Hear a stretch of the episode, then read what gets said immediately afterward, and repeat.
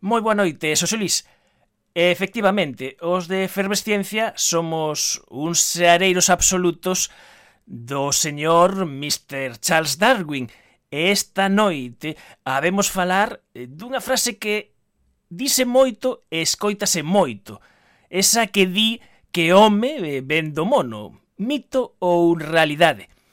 Este será un dos contidos desta noite efervescente na crónica que seguindo a senda dos programas que vimos emitindo no verán facemos unha escolma do mellor de toda a tempada pasada para así coller folgos e o último mércores xa deste mes aquí na crónica empezar xa con novos contidos a nova tempada de efervesciencia. E nada, xa deixo a boa de Einstein que nos conte algún contido máis que habemos ter nesta noite efervescente. Nas pelis medievais vamos cansos de ver eh, historias de anéis.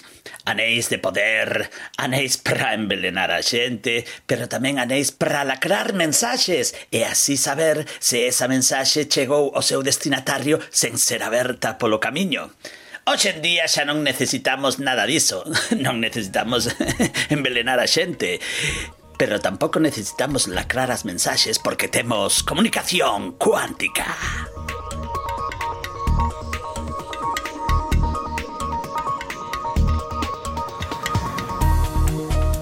Moi boas noites. Un saúdo de César Goldi, Alba López, Marta Vila e Manuel Vicente. Somos o equipo de Efervesciencia. Todo o mundo dime que teño que facer exercicio, que é bo para a miña saúde, pero nunca lle escoitei a ninguén dicirlle a un deportista tes que ler. Isto é de José Saramago. A frase do Nobel de Literatura Portugués é enxeñosa, iso sí, pero tamén é trampulleira.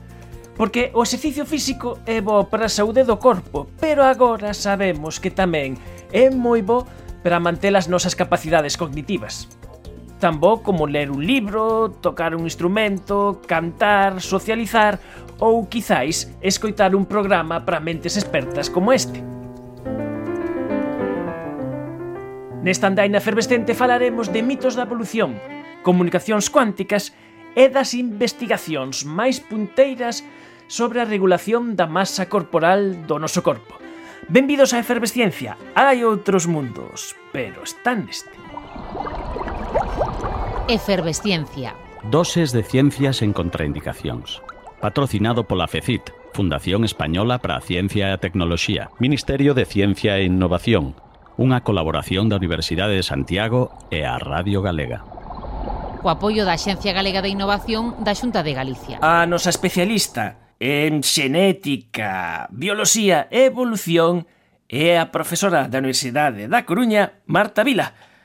Marta, moi boas noites. Boas noites, Manuel, e efervesciencia en xeral. Xa estamos no final do curso académico, xa os confinamentos van alá, xa podedes facer traballo de campo, e seica que nestes días toca ir aos Ancares, a, a facer traballo de campo, no teu caso, coa túa unha das túas especialidades que son as bolboretas. Pois sí, tiñamos previsto Ancares, pero ao final vamos ir máis a ca, o Cobrel que, que os Ancares para traballar para un, un traballo de fin de mestrado e unha tese de doutoramento cunha especie endémica que eh, er, perdón, endémica do noroeste peninsular que é Erevia palárica, así que xa colleremos o protector solar e o, e o pucho e, e ala, a polo monte imos eh, hai sitios especiais onde se detectan onde colledes as borboletas, o, o chegades e, eh, mira, mm, chove, non saen as borboletas ou que pode pasar no, unha vez que estás no campo? No, bueno, agora desde que hai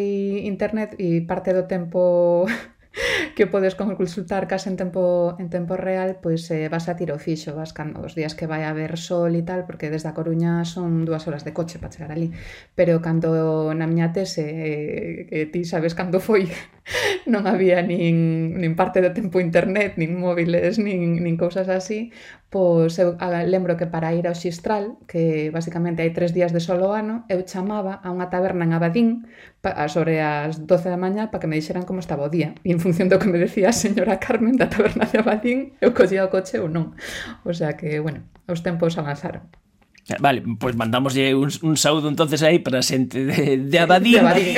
E, e, e habemos Habemos falar de, de bolboretas nas vindeiras semanas eh, eh, con, tamén con Marta Vila Habremos de contar eh, historias interesantes Pero caso que esta noite eh, chamamos a Marta para preguntarlle, e a pregunta ten o seu motivo, eh, como fixestes este ano? Xa sabemos que Marta nos contou que comparte despacho, que fan turnos na universidade polo tema da COVID, pero que facedes cos eh, eh alumnos que están rematando o grao en bioloxía e teñen que facer o seu traballo de fin de grao, eh, como argallastes para facelo con todo o tema da pandemia?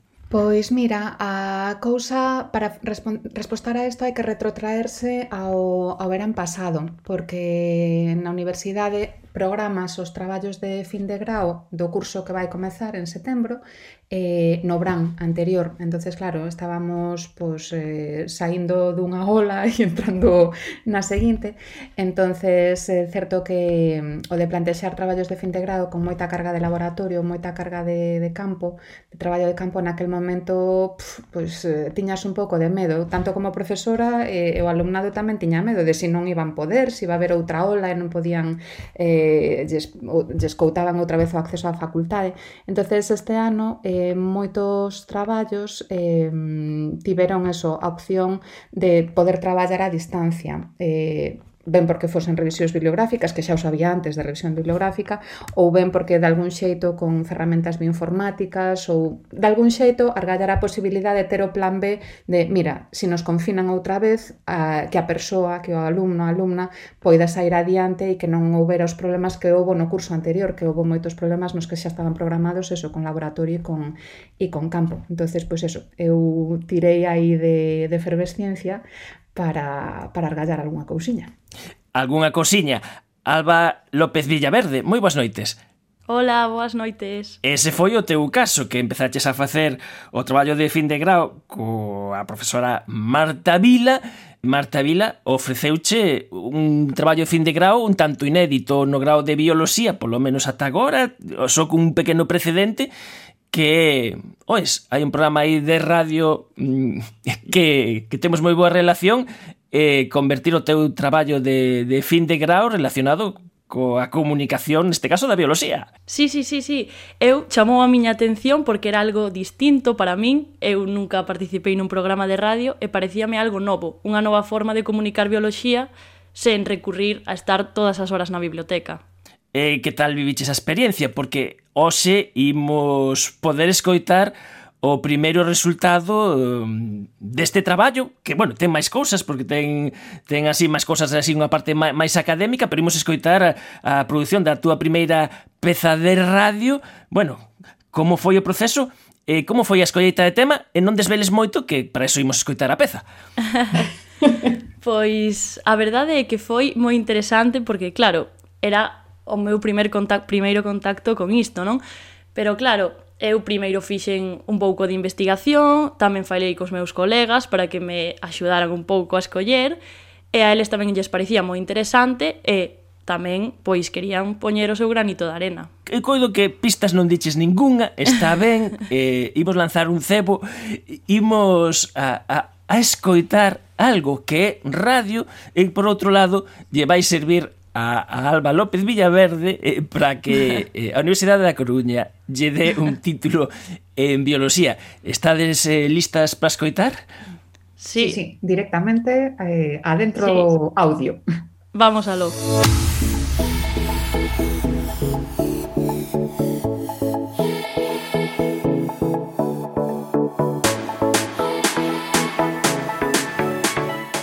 Ola a todos, eu son Alba López e son unha estudante do último ano do grau en Bioloxía na Universidade da Coruña. O meu traballo de fin de grau consiste en divulgar a ciencia mediante a participación neste programa, Efervesciencia.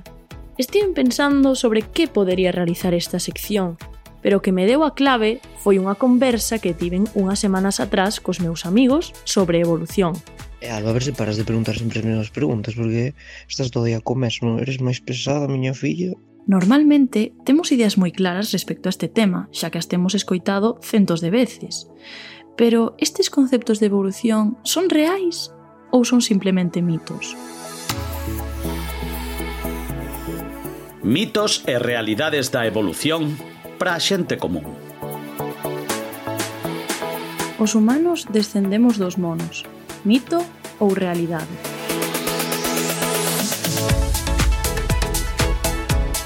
Eu sí creo que descendimos do mono. Creo na teoría da evolución que nos ensinaron na clase dende pequeno. Eu a verdade penso que non. Como persoa católica, creo que Deus creounos a súa imaxe e semellanza. Como non vamos vir do mono? Se tives un mono e eh, logo nos ves a nós, eh, somos a viva imaxe da evolución, que cae de caixón. Eh, pois eu penso que non, porque descendemos da mesma especie, pero non do mono. Pois eu creo que sí, que descendemos do mono, porque cando somos pequenos, tanto o ser humano como os moniños eh, descubrimos e entendemos o, o mundo do mesmo xeito. Non o teño claro a verdade. Eu a verdade que penso que vimos do espazo e que non estamos solos. Eu sinceramente penso que si sí, descendemos do mono. Dende que eres pequeno e vas crecendo, vas facendo como a evolución cando era o mono, andando, etc, etc. Dígame, que opina usted de ese lío sobre el mono? Yo no opino nada, señor. Eso no favorece el negocio. ¿Es usted un evolucionista, un infiel, un pecador? De la peor especie. Escribo en un periódico. Como vedes, nesta conversa cada un opinaba unha cousa distinta, polo que tiven que informarme e pedirlle axuda ao mellor experto do mundo en evolución. Cuando hablamos de los hominidae, nos referimos a los humanos y a todos nuestros ancestros y además a los simios antropoideos, es decir, orangutanes, chimpancés e gorilas e todos sus ancestros. Acabamos de escoitar a José María Bermúdez de Castro, que é codirector do Xacemento da Tapuerca e tamén Premio Príncipe de Asturias de Investigación. Bermúdez de Castro será o noso experto en evolución que nos axudará a investigar este mito. Antes de comezar, temos que comprender o verdadeiro significado do termo homínidos, xa que moitos medios de comunicación utilizan este termo para referirse aos antepasados do Homo sapiens. Pero isto non é así exactamente. Pero cuando hablamos de los homininae, hemos de suprimir a los orangutanes. Es decir, homininae incluye humanos, chimpancés, gorilas y todos los ancestros que hemos tenido. Por iso, cando empregamos a palabra homínido para referirnos exclusivamente aos antecesores do home, estamos facendo un mal uso do termo, porque inclúe tamén a especies vivas que existen na actualidade. Pero comecemos a nosa explicación por encima de todo na nosa clasificación como especie. En primeiro lugar, temos que comprender que os seres humanos somos primates, e os monos tamén o son. Pero os humanos non somos monos. Ámbolos dous pertencemos á orde primates, e dentro desta a infraorde simiformes. Esta infraorde consta de varias familias, pero a nosa denomínase Hominidae. Da familia Hominidae só quedan oito especies vivas, das cales cinco son os humanos, os orangutáns, os gorilas, os chimpancés e os bonobos. Dentro destas especies, os humanos atopámonos máis preto dos chimpancés e dos bonobos que dos gorilas e sobre todo que dos orangutáns. Por iso, se queres demostrar que controlas un montón sobre a evolución humana, quedará moito máis preciso falar de homininos, e así excluímos os gorilas en vez de homínidos.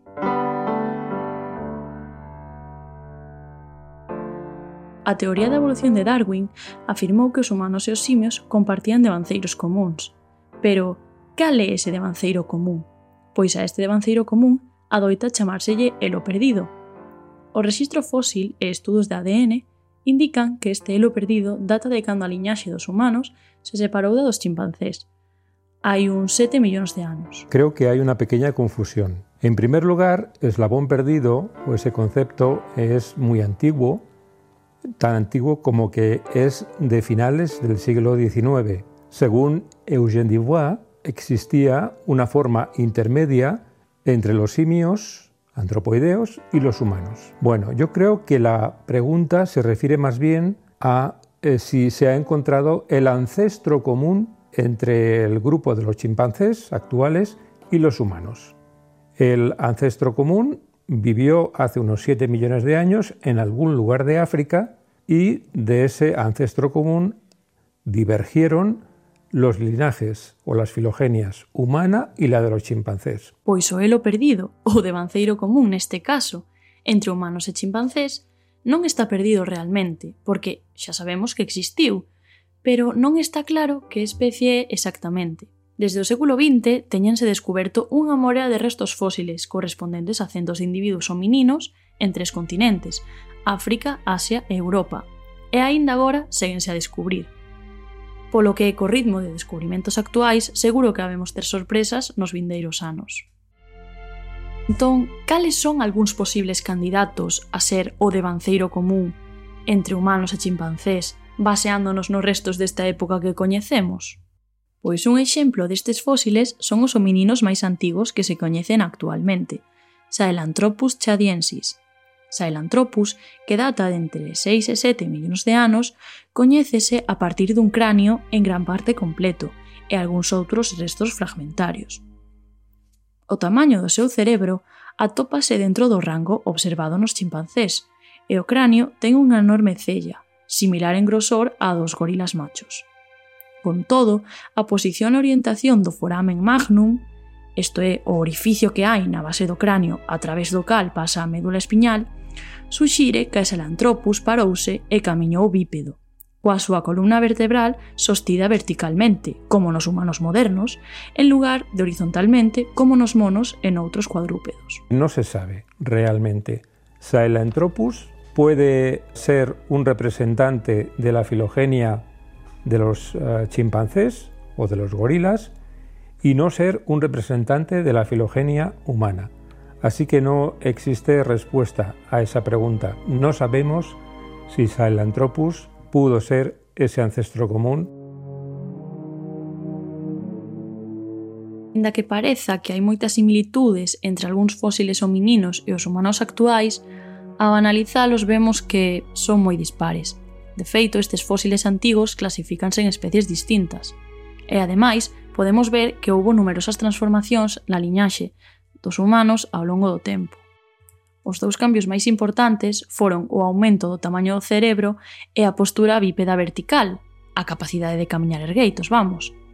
Estes fixeron viable o desenvolvemento da cultura e da tecnoloxía, entre outros. La postura bípeda, nuestra locomoción, precedió o foi anterior al incremento del tamaño del cerebro nada menos que en 4 millones de años. Escoitamos de novo a José María Bermúdez de Castro, co-director da Tapuerca, a quen lle agradezo enormemente a axuda prestada para o meu traballo de fin de grau e, por suposto, a súa colaboración nesta peza. Por consiguiente, estuvimos caminando erguidos, con postura bípeda, 4 millones de años antes de que empezara el incremento del tamaño del cerebro.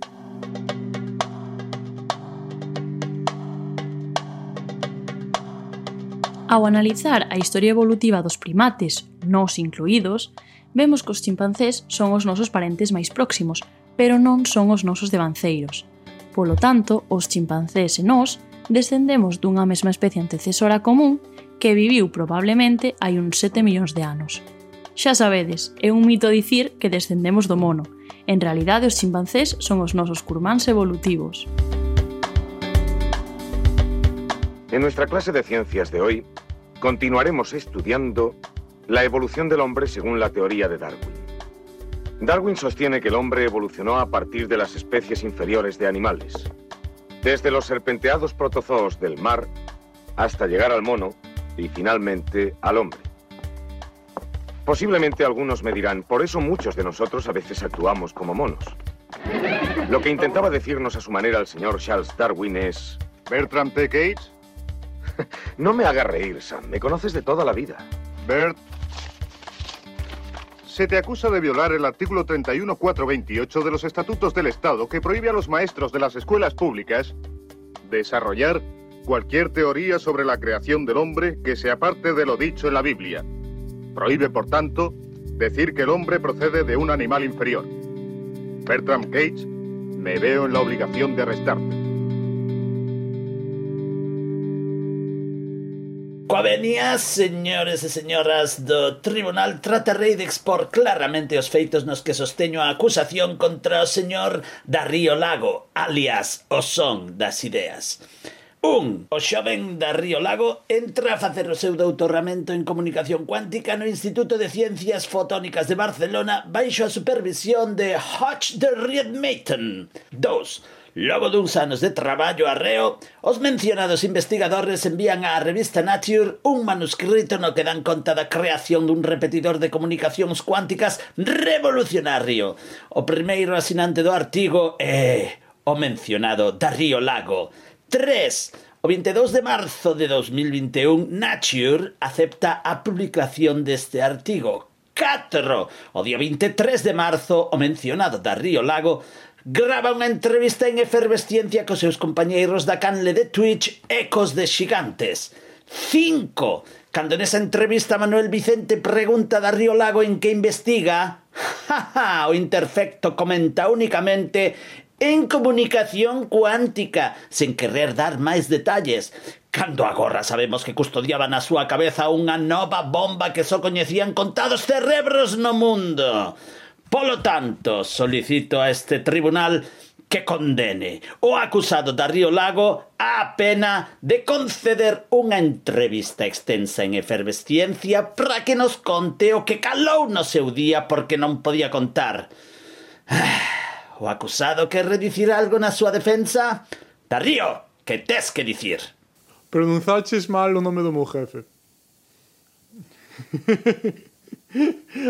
Pero creo, creo que se tivera, tiveras sabido pronuncialo debería, tería sido a primeira persoa eh, non suiza capaz de pronuncialo.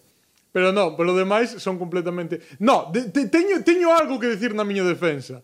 Nature ten unha cousa que se chama embargo. E ti non podes dar información aos medios. Ou, ou os medios, polo menos, non a poden facer pública ata que se levante o embargo que normalmente coincide co eh, día da publicación. Aí pois xa é unha explicación, non, Manuel? Pois sí.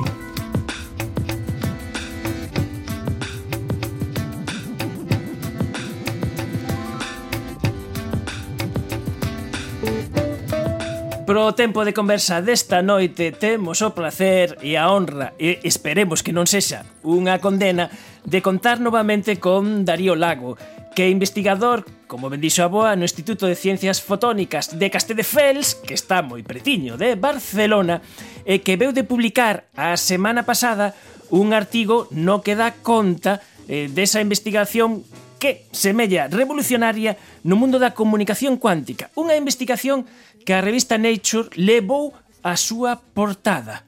Darío, moi boas noites.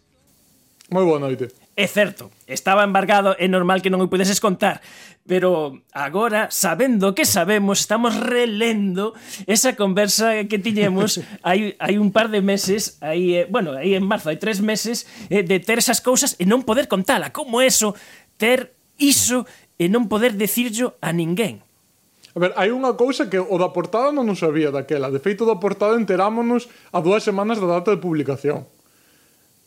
Pero polo demais, a ver, eu contei yo amigos. Non, non, non o dixen así en público, nin nada relacionado co son das ideas, pero desaliviei-me con amigos. Home, claro, os amigos aí como a mellor tampouco tiñan contactos aí co mundo científico, co mundo da prensa. Eh, hai que dicir que o mundo da prensa funciona así. Eh, ti recibes o mundo das publicacións, eh, o proceso de publicación leva varios meses, porque de novembro a marzo aí van 4 ou 5 meses no que estades aí comendo as uñas, eh, dan o visto bo, pero ainda así hasta que se publica, inda pasan outros case tres meses, os xornalistas científicos, as novas embargadas, unha semana antes, podemos saber o que vai publicar Nature, Science, porque nos mandan esa información embargada, pero non o podemos dicir ata o momento da publicación, ata neste caso foi ata o mércores pasado, que cando eh, sae a noticia. E, e xa que preguntamos pola portada de Nature. Bueno, a portada artísticamente está ben, pero mm, mm ten algunha relación práctica co que realmente fixestes? Ten, ten moito, representa completamente o noso experimento, pero se queres falamos primeiro do experimento, despois pregúntasme polo, polo significado da portada. Pois, va, pois vai a ver, vai a ser que sí, vai a ser que sí, porque, vale, eh, para entender un poquinho o, o tema do teu experimento, bueno, estamos falando do, do mundo cuántico, que é mundo eh, ben sabemos que é antituitivo, que xa dixo Feynman e outra xente que se te, se te explican de que vai a cuántica dis que entendes, estás mentindo. Eh, estás botando unha trola criminal porque é imposible de, de entender porque racha a cabeza e probablemente nestes minutos racharanos bastante a cabeza. Ai, sí, pois pues mira, esta, esta, esta preguntiña ten que ver eh, ca, ca familia, unha pregunta familiar, digamos, que che faría, pois, pues, nunha cena de, de, de, de noite boa para para chinchar. Mira, porque se o meu Albertiño vise o vosso experimento, fliparía moito, porque entra en xogo o que el chamou despectivamente a acción fantasmagórica a distancia. A ver, isto trae tela, non? Sí, ah, é verdade. Albert Einstein non cría no, no entrelazamento cuántico que precisamente o que demostramos neste paper, pero seguramente eh, Einstein se vira un noso experimento diría que hai unha cousa que se chaman eh, variables ocultas que son como unhas cousas, é eh, unha física que a que nós non temos acceso por falta de coñecemento, pero que opera eh, entre as cousas que entrelazamos cuánticamente e esta dá información eh, que lles permite ter o comportamento que nos interpretamos como entrelazamento. Eso que diría Einstein. Realmente eso está moi descartado e a maior parte da comunidade científica xa non cree iso. Solamente algunhas persoas xa un pouco maiores. Bueno, pois pues de despois pregúntolle a ver que di. Ah, claro. vale. Digamos que aí Einstein non tiña razón, pero si sí fixo avanzar un pouco o, o concepto, é dicir, desde uh -huh. a súa eh, negación de que él dicía que isto non podía existir, que ao final existe, eh, vos o facedes nos, nos laboratorios, eh, eh foi un avance. Eh, na mecánica cuántica aparecen eso, eh, partículas que se chaman que están entrelazadas, que teñen, eh, digamos, que o que lle pasa a unha depende o que lle pasa a outra, o sea, que levan unhas vidas parellas, como se fosen almas semelgas. Algo así, algo así. Eh, a ver, hai moi dist, distintos tipos de entrelazamento. Se queres podemos falar xusto do que nos temos. Sí. Eh, porque no noso caso, o que fixemos foi almacenar un fotón en dúas memorias cuánticas distintas. As memorias cuánticas estaban en dous laboratorios separados por 10 metros de distancia. Estábamos almacenando unha cousa, que é un fotón, que é a partícula fundamental da luz, nas dúas. Pero como, como almacenas unha cousa en dous sitios? En dous sitios separados, o sea... En dos sitios separados 10 metros. Aquí, no noso caso, o entrelazamento, isto é o entrelazamento. E no noso caso, isto o que significa que ti se, ti se agora vas a unha das memorias cuánticas e miras se o fotón está almacenado nela e ves que sí que está, iso quere dicir que inmediatamente eh, non, non está na outra. E se eh, miras na primeira eh, o fotón non está almacenado nela, va, eh, inmediatamente sabes que na outra sí que está. Pero que ata o último momento no que ti miras nesa memoria eh, a natureza actúa e a física do sistema actúa eh, como se as dúas eh, posibilidades fosen eh, estivesen aí. É dicir, que, que o fotón pode estar nunha ou na outra eh, eh, to, todo se comporta como se estivese nunha ou na outra. Non ten por que escoller. Ata que ti vas e miras que comprobas en que memoria cuántica está, non lle estás forzando a escoller a natureza. E, por lo tanto, comportase como se estivese nos dous. Mm. O sea, que esta cosa que ten a cuántica que hasta que non faz a medición o sistema non se define. Mentres non faz a definición, eh, son, son unhas probabilidades que está aí, pero é como isto é medio, isto é un gato de Schrödinger de caixón, casi. É algo máis potente que o gato de Schrödinger, porque o gato de Schrödinger era a superposición que podía estar vivo ou morto a vez. Neste caso, é que é como se tes dous gatos de Schrödinger e se cando, cando un está morto o outro está morto, sen ter que abrir a caixa do segundo, e cando un está vivo, o outro está vivo, sen ter que abrir a caixa do segundo. Entón, tes dúas caixas con gatos vivos ou mortos á vez, e cando abres unha, sabes o que lle pasou ao seu compañero, sen ter que abrir a segunda. Pois é, exacta, sería exactamente iso. Wow. Eu, eu hai un exemplo na vida cotiá de, de que a medida afecta o estado do, do experimento que cando ti estás eh, entras nunha habitación, está en alguén na cama e preguntas, "Estás dormindo?" E cando o tío dicía, estaba dormindo, me despertaches, isto quere dicir que a medida modifica, a, eh, te faz a medida e a medida está modificando o, o, o experimento, que é cosas que pasan tamén no, no mundo cuántico. E, e isto que facedes vos, eh, o, o gran logro, eh, polo que contades é que estades eh, mesturando cousas que xa se facían, pero estades xuntando elementos que nunca ata agora se xuntaran. Xusto. O que acabo de contar de eh, entrelazar cuánticamente memorias eh, separadas por certa distancia é algo que xa se fixera. Eh, fixose hai, atreveríame a dicir, hai máis de 10 anos. O que pasa é que fixerase de xeitos Eh, porque ao final nos porque queremos entrelazar memorias cuánticas. Imagino que falaremos nun, nun anaco Porque para comunicacións cuánticas é algo moi boa Para comunicacións cuánticas necesitas poñer as memorias moito máis lonxe Cada 10 metros que o que usamos nós. Entón, os adxetivos que, ou as melloras que ten o noso traballo respecto aos que se fixeron até todo agora permiten realmente pensar en coller o noso sistema tal cual está, facéndolle cambios moi pequenos e sacalo fora do laboratorio, puñer as memorias a centos de kilómetros de distancia ou decenas de kilómetros de distancia e, e que funcione. E que funcione moi ben, seguramente. Esperemos. Vale, vale, porque creo que ese, ese primeiro experimento de eso, hai máis dunha década, eu vendo a, a referencia, vin que o primeiro autor era Chou. Non sei se era un experimento sí. Chou, porque era cuántico, Pero... Sí, ese, ese de feito era o que estaba pensando Que eu saiba é o primeiro experimento Semellante ao noso que, que creo que é de 2005 Sete. Pode ser? sí, 2000, bueno, mira, estou falando así de memoria, non sei nada máis, eu vin show e chamoume, fíxeme moita vale. gracia, dice, bueno, o show, isto xa non olvidarei, queda así moi ben, o experimento de show. eh, experimento, fixeron aí un experimento de show? Eh, aí, aí saliu, aí saliu. Vale, chis, este, ese, ese é un chiste que vai, vai desfacer aí para os galegos que traballedes eh, non eh, pensara, en mecánica. Traballo en inglés, é un chiste tan fácil de facer e non pensara. Bueno, pois pues, xa tedes aí un chiste para eh, chiste para eh, mecánicos cuánticos, ciencias fotónicas, crónicas galegos só poden entender. Só, ese chiste só poden entender hai que ter eses dous conxuntos.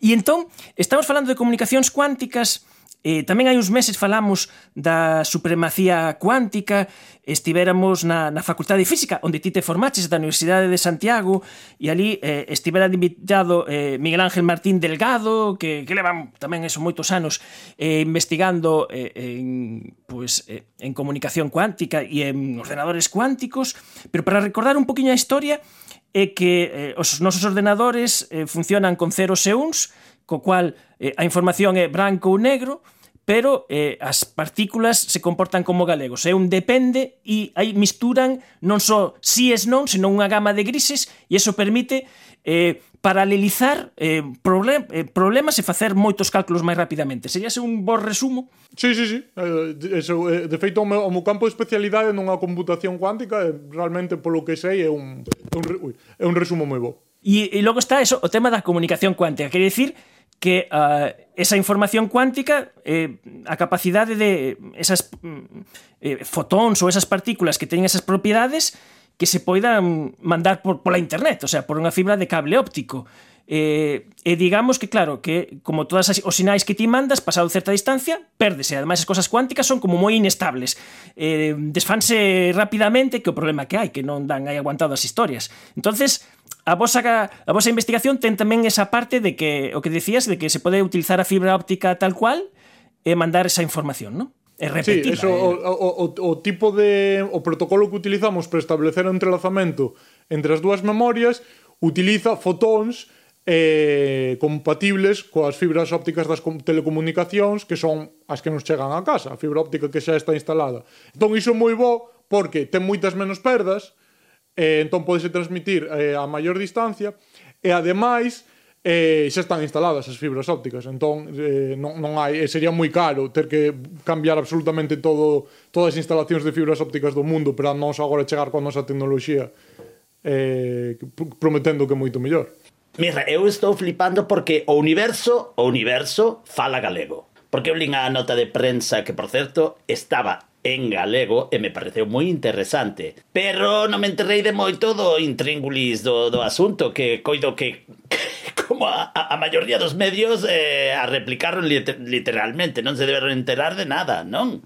A verdade, se, se che digo completamente a verdade, non lin todas as novas que saíron, porque saíron moitas, o cal faime moi feliz, pero pero por outro lado fíxose un pouco eh agobiante ter que ler todo o que saía, non? Ao final, pois o que dis, ao final son copias unhas das outras un pouquiño, e si, sí, a ver, hai, hai cachos que collen, pero bueno, tamén é que a nota de prensa que fixemos, tamén lle puxemos moito esforzo e cariño a facela, entón, pois, tampouco está mal que copien as cousas porque escribímolas con cariño. Me, mellor que se xa dunha fonte boa e, e fiable, está aí. Eu onde me chego así a perder un pouco é que vos tedes como dous dispositivos simétricos na, na deses dous lados desa fibra óptica tedes eh, simétricamente pois o xerador de, de fotóns as dúas memorias que están igual dos dous lados e logo, a ver se, se me enterei así algo, e que lanzades como dous fotóns en cada lado entrelazados, un que chamades sinal e outro mensaxeiro. E até aí, e logo de aí xa non me enterei de máis. E ah, no, ton... pues, pois, ent entendíchelo mallado. bueno, non sei. no, no, no, iso, a ver, o que pasa é que Agora metémonos en terreno que xa é un pouco máis difícil de explicar, pero eu se queres intento explicar a ver a onde chegamos, a ver ata onde chegamos. Que queiras. Vale, pois temos en cada lado temos eso, do, dous lados simétricos, cada lado chamamos de nodo, e cada nodo está formado por unha memoria cuántica e unha, fo, e unha fonte de parellas de fotóns.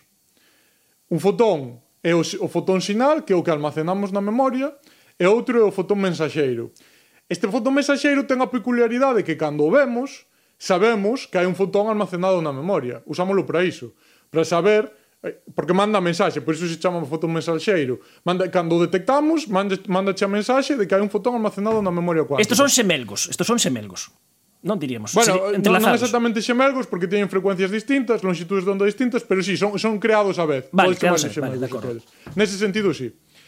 Entón, ti tes isto duplicado en nos dous nodos, replicado en cada nodo. E agora colles os dous fotóns mensaxeiros e crúzalos nun divisor de feixe, que se chama. Que un divisor de feixe pode ser como unha ventá así traslúcida que ves un pouco o teu reflexo mm. e tamén ves a través da ventá. Uh -huh. Pois algo así. Entón, a peculiaridade deste divisor de feixe é que cando usas para mesturar os dous fotóns mensaxeiros, emides Despois deste divisor de feixe, unha vez os fotóns mensaxeros están mesturados, e ti detectas soamente un fotón, ti sabes que cando detectas un fotón é que hai un outro fotón almacenado nunha memoria cuántica. Pero que agora mesturaches os dous fotóns mensaxeiros e como están mesturados e son completamente indistinguibles o un do outro, non sabes en que memoria cuántica está almacenado outro fotón. Porque ti solamente detectaches un. Daquela solamente hai ten unha parella solamente. Eh, esa, esa é a potencia, esa é a potencia do experimento, porque na cuántica hai un principio básico moi potente e moi chulo que que cando hai varias posibilidades que explican eh, un, un mesmo resultado, a natureza non lle gusta escoller.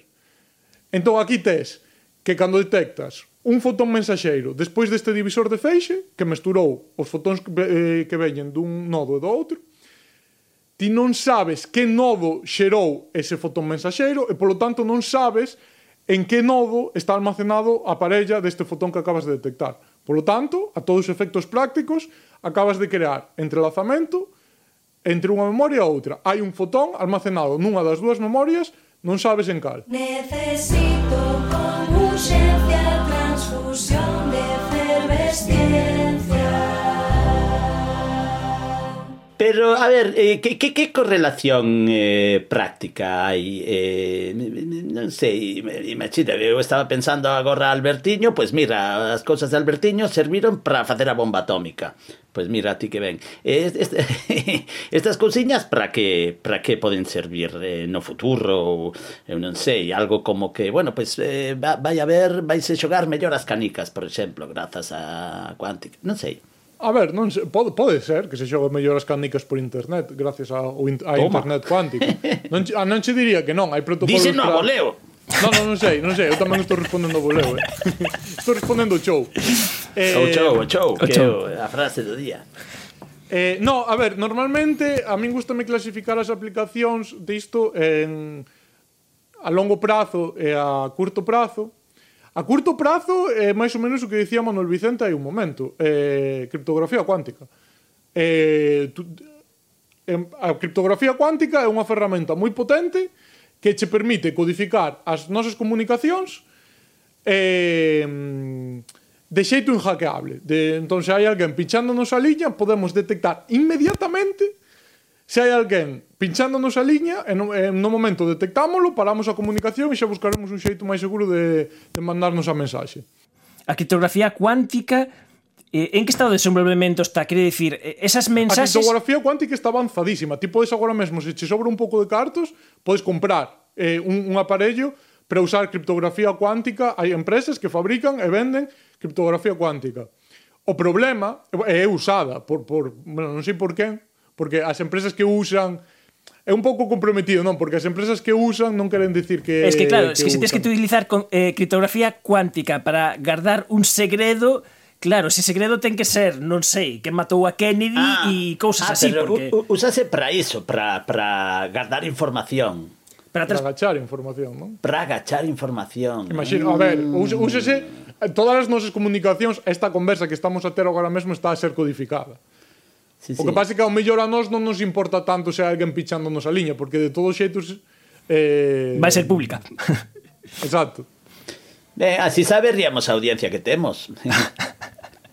bueno, vale. no, pero o que quero decir é que estes aparellos que se están a vender hoxe en día teñen un máximo de distancia na que funcionan. Despois duns poucos decenas de kilómetros, un, como moito uns centos de kilómetros, xa non funciona, hai demasiadas perdas.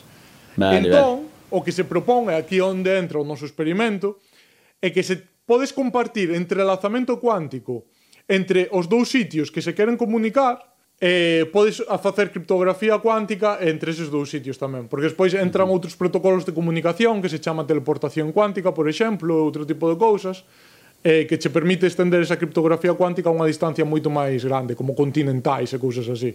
Uh -huh. Ou, ou seja, que abre unhas perspectivas infinitas no mundo da comunicación, poderíamos dicir, non? Sí, sí, sí, porque de feito a segunda aplicación a longo prazo eh, que che comentaba antes é conectar computadores cuánticos. Toma. Eh, que, que tamén falaba antes Manuel Vicente deles, que son cacharros que en algún momento serán moi moi potentes, Hoxe en día eh, están en fases moi prematuras, pero no momento no que tiñamos ordenadores cuánticos distribuídos, por exemplo, ao longo de toda Europa e que iramos conectalos, imos a necesitar un internet cuántico para conectalos.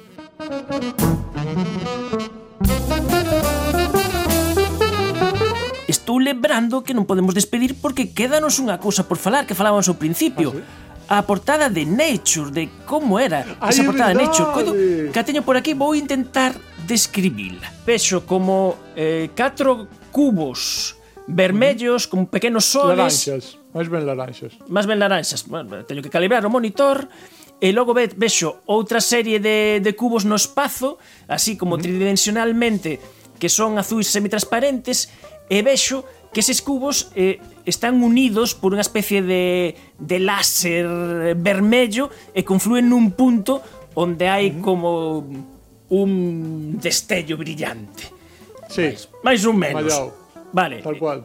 Eso eh, pode ir a arco. Os cubos Os cubos laranxas son as nosas memorias cuánticas, as que usamos. O resto do cubos o que intenta representar é que como que as nosas memorias cuánticas están nunha rede de comunicacións cuánticas con moitas máis memorias cuánticas espalladas por aí. Pero as importantes para o noso experimento son as dúas eh, que son laranxas. E despois, se te fixas, Unha delas é, é brillante, en plan, están en dúas parellas, e unha en plan, unha é como o espello da outra, a parte ah. de arriba e a parte de ah. abaixo. Entón, a parte de abaixo ten brillante, a da dereita e apagada a da esquerda. Sí, sí, sí, sí. Pois sí. o brillo representa o fotón eh, almacenado nesa memoria cuántica. E a, o espello, que é a parte de arriba, que su, supónse que é a parte especula, a imaxe especular da de abaixo, está invertido, porque son as dúas posibilidades do entrelazamento que teñamos o fotón almacenado na da dereita ou o fotón almacenado na da, na da esquerda. Entendes por onde vou? Sí, sí, sí, sí. E despois, o, o, e despois as fibras ópticas que converxen todas no horizonte e do horizonte sae unha luz e a mensaxe eh, é como o fotón mensaxeiro que está a ser detectado e esa detección crea o entrelazamento entre as dúas memorias. Entón, como que crea as dúas imaxes eh, especulares unha da outra. Bueno, a mí coa física pásame o seguinte. O meu cerebro em, empeza a facer cric, cric, cric, pensa que o entende, pero é unha percepción, quere dicir, é unha percepción de bueno, que coido que sei por onde van os tiros, inda que non o sei a, a ciencia certa, pero creo que probablemente é o que nos pasou a todos neste programa, nestas cousas, que eu coido que poden servir un pouquiño para saber por onde vos movedes eh, os físicos, neste caso os físicos fotónicos, e ter unha idea, un, no noso mapa conceptual ir metendo cousas que obviamente seguramente están bastante lonxe da realidade, pero por nos crean polo menos esa ilusión de que algo, un chisquiño, albiscamos, un chisquiño, comprendemos. E o fixemos esta noite grazas a Darío Lago. Eh, Darío, eh, moitísimas grazas eh, por contarnos eh, con detalle este suicio sumarísimo e eh, nada, eh, a próxima eh, interceptaremos as túas comunicacións a ver se nos enteramos antes que ninguén. Moitísimas grazas por darme a oportunidade de falar do meu traballo aquí.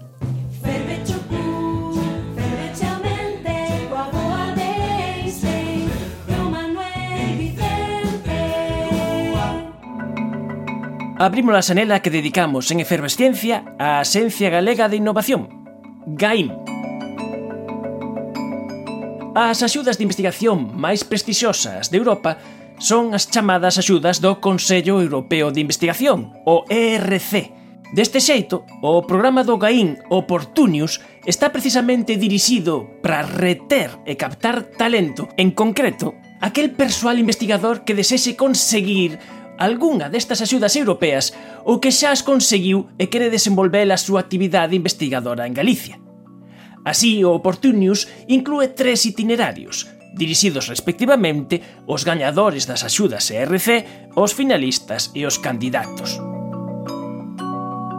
Actualmente Galicia conta con cinco investigadores distinguidos do programa Portinius, é dicir, dos que xa teñen conseguido proxectos ERC, O investigador en obesidade do CIMUS na Universidade de Santiago, Rubén Nogueiras, é un deles. E na súa trayectoria conta xa con dous proxectos ERC e un relevante palmarés de premios científicos, o último deles da Sociedade Europea de Endocrinoloxía. O propio Rubén Nogueiras a nos explicar paso por paso os elementos necesarios para entender a súa liña de investigación.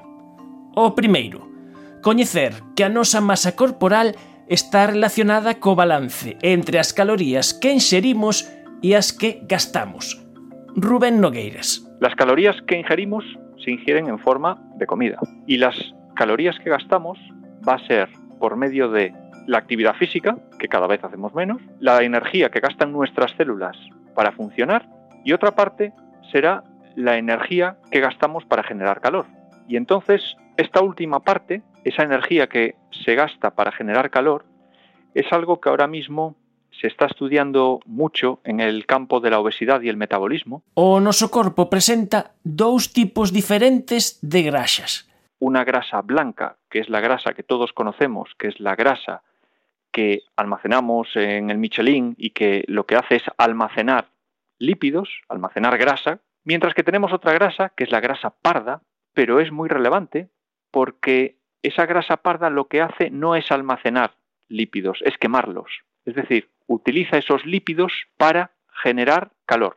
Lo que se está estudiando, nuestro grupo y muchos otros, son mecanismos mediante los cuales esta grasa parda sea más activa, de modo que queme más calorías para generar ese calor. Aún hay más. Ahora sabemos también que la grasa blanca, esa grasa que normalmente está destinada a almacenar lípidos, puede diferenciarse a grasa parda. Hay mecanismos mediante los cuales se puede hacer, de momento en animales de experimentación, pero está en fase de estudio más clínico, podemos hacer que la grasa blanca adquiera propiedades de grasa parda y podemos hacer que en parte esa grasa que está especializada en almacenar lípidos pueda también quemarlos.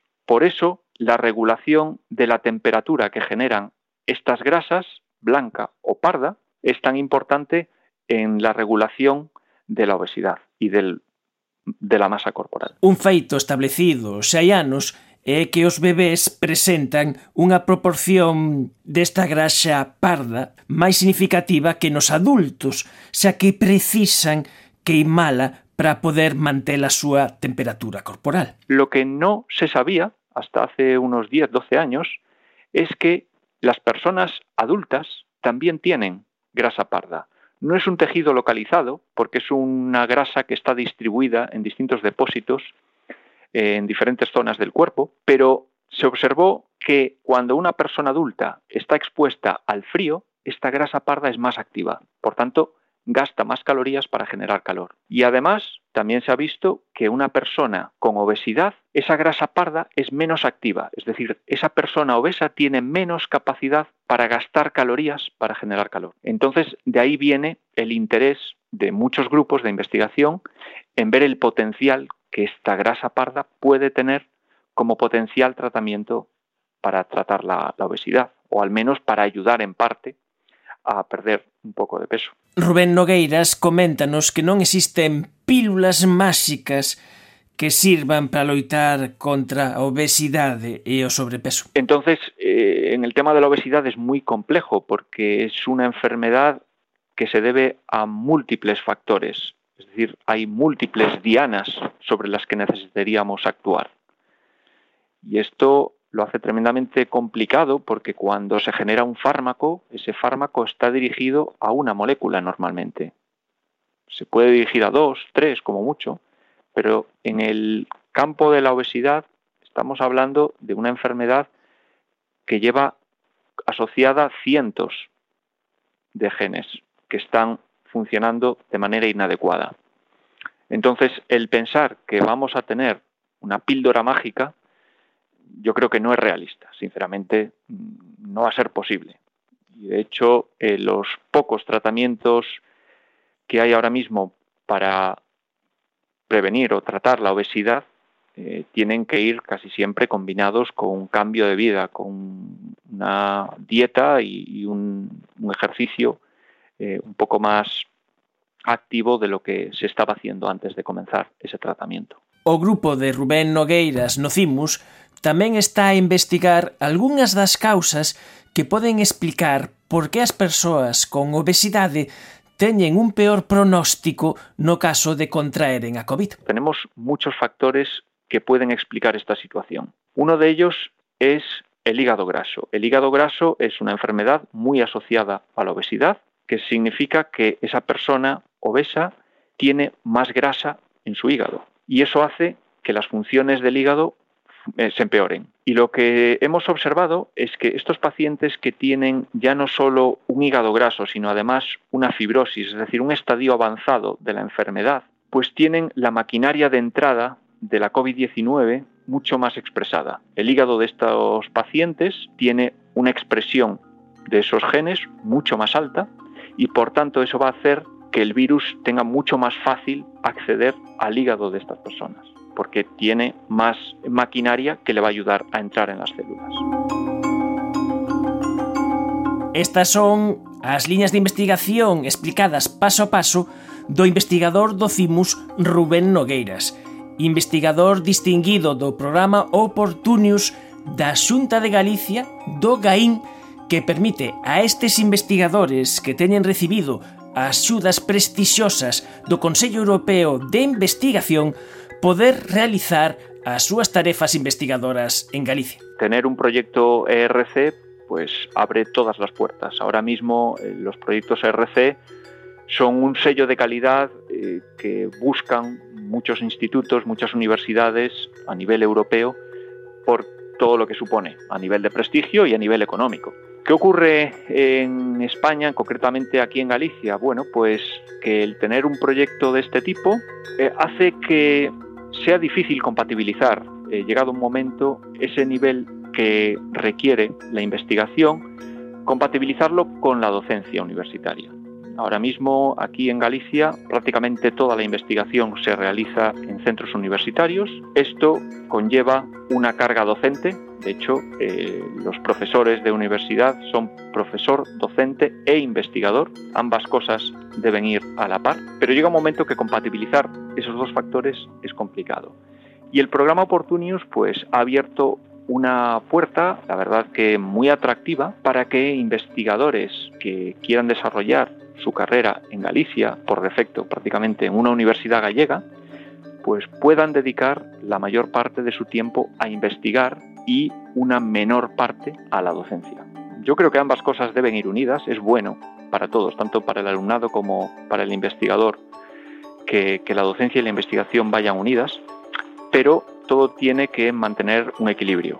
O programa Portunius enmárcase no programa Talento 2021 impulsado polo GAIN para xerar, reter e atraer ao redor de 1.500 profesionais a Galicia para actividades de I máis D máis I. Efervesciencia. Patrocinado pola FECIT, Fundación Española para a Ciencia e a Tecnoloxía, Ministerio de Ciencia e Innovación, unha colaboración da Universidade de Santiago e a Radio Galega. O apoio da Axencia Galega de Innovación da Xunta de Galicia. O vindeiro mércores ás 9 da noite volveremos os de Fervesciencia Crónica na Radio Galega.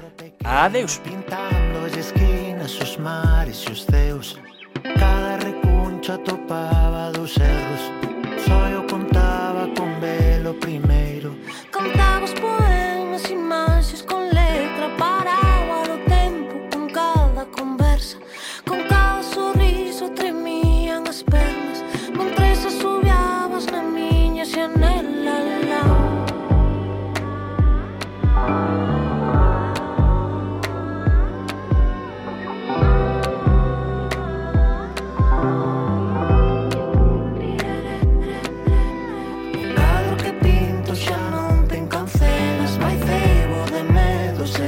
indiferenza. Os erros dos anos arroupan as medras E nos ven asidos verdando as mareas. Tentei comenzar cun cadro pequeno Pintando as esquinas, os mares e os ceus Cada cuncha topaba dos seus No sol contaba con velo primeiro E logo xa chegaches ti.